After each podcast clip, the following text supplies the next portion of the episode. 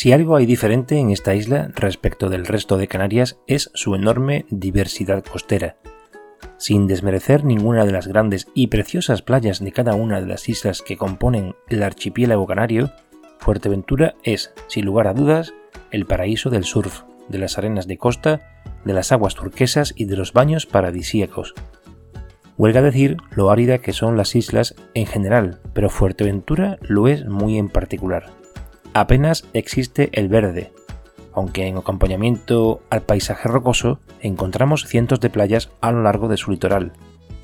Tenemos playas por todos los rincones, donde incluso puede hacerse snorkel con gran facilidad, junto a rocas o pequeños acantilados, espigones y costas sin arena. Pero lo que más abunda son eso, las arenas. Existen muchas arenas distintas y es lo que quería destacar en este audio para la posteridad. Fuerteventura tiene muchas cosas que ver.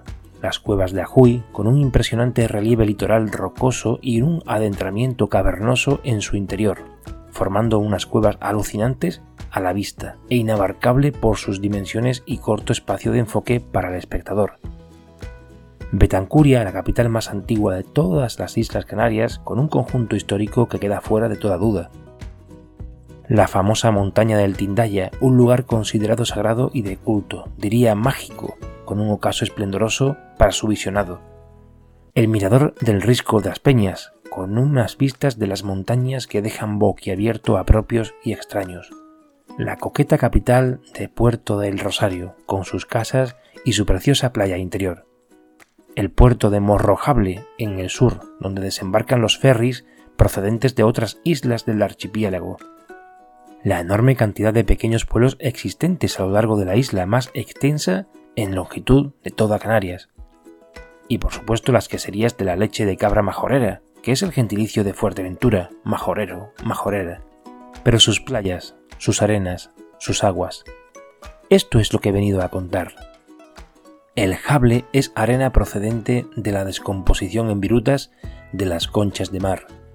Es arena blanca que con el paso del tiempo ha formado verdaderas dunas desérticas que permiten un paisaje como el de Corralejo, más de películas de desierto que de una isla tropical. Parecidas a estas dunas tenemos las dunas de cuello de botella de Jandía, donde confluyen los vientos procedentes de Cofete y su cercanía al otro lado del mar por el estrangulamiento de la isla y las rocas del paisaje, conformando unas arenas limpias pero más oscuras que las de Jable. Existen arenas negras como las de Ajuy y La Pared, de la zona oeste de la isla. Las arenas blancas, casi idénticas a las de Corralejo, de la zona noroeste, el Cotillo y los lagos y la arena mezcla de roca y el blanco puro de los rodilos, esas formaciones que se conocen con el famoso apodo de las palomitas, en la zona más septentrional al norte de la isla, donde los corales rojos del fondo del arrecife, muertos y solidificados, aparecen en la costa como pedazos blancos que se acumulan en determinados lugares, tal como el poblado pesquero de Majanicho. Y cerca de la playa rocosa de Majanicho está la playa arenosa de El Hierro, donde confluyen estos rodilos junto a la arena típica de cualquier playa y la de la roca volcánica que abunda en toda la isla. Estos rodilos, al pasar del tiempo, se deshacen, quedando una especie de viruta blanca que mezclada con la arena da un aspecto o textura mixta única de este enclave. Pero al margen de playas como la de los Ojos en el sur, las playas de Sotavento con arenas ocres y grises, las del Gran Tarajal de arenas negras y las de Butiondo, ocres, nos encontramos las maravillosas arenas ocres y grises también del paisaje asilvestrado costero de Cofete, un paraje deslumbrante en lo visual, pero altamente peligroso en lo que a la costa se refiere. Su acceso se realiza por carreteras no asfaltadas, camino de tierra y piedras comunes en toda la isla y que deben permanecer de este modo debido a que desde hace ya más de dos décadas se la reconoció a Fuerteventura como reserva de la biosfera, lo que la inhabilita para modernizarse y debe permanecer como se la conoce.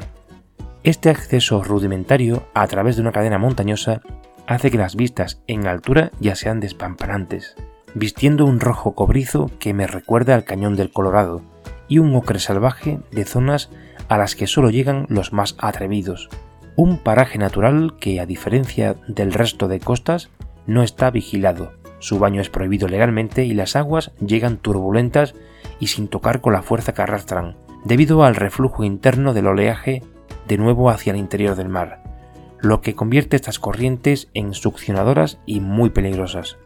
No recomendable el baño y sí altamente recomendable su observación descansada y sin prisa, para llenar el alma de energía positiva para la vuelta a casa.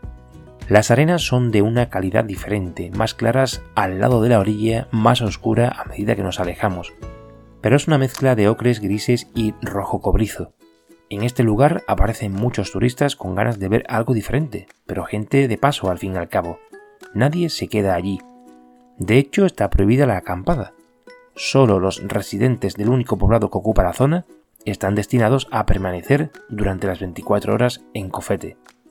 Y bueno, siempre destacará la Casa de los Winter, una edificación finalizada tras la Segunda Guerra Mundial por el ingeniero alemán Gustav Winter, y sobre la que se ha especulado con múltiples leyendas, pero la mayoría de ellas rendidas a las historias de que el complejo estuvo al servicio de los militares nazis alemanes en relación a la época totalitaria que le tocó vivir.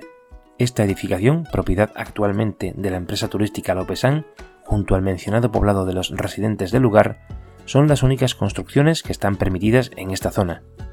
Pero es imposible visitar los cientos de pequeñas playas y lugares extraños que puedes encontrar a lo largo y ancho de esta maravillosa isla.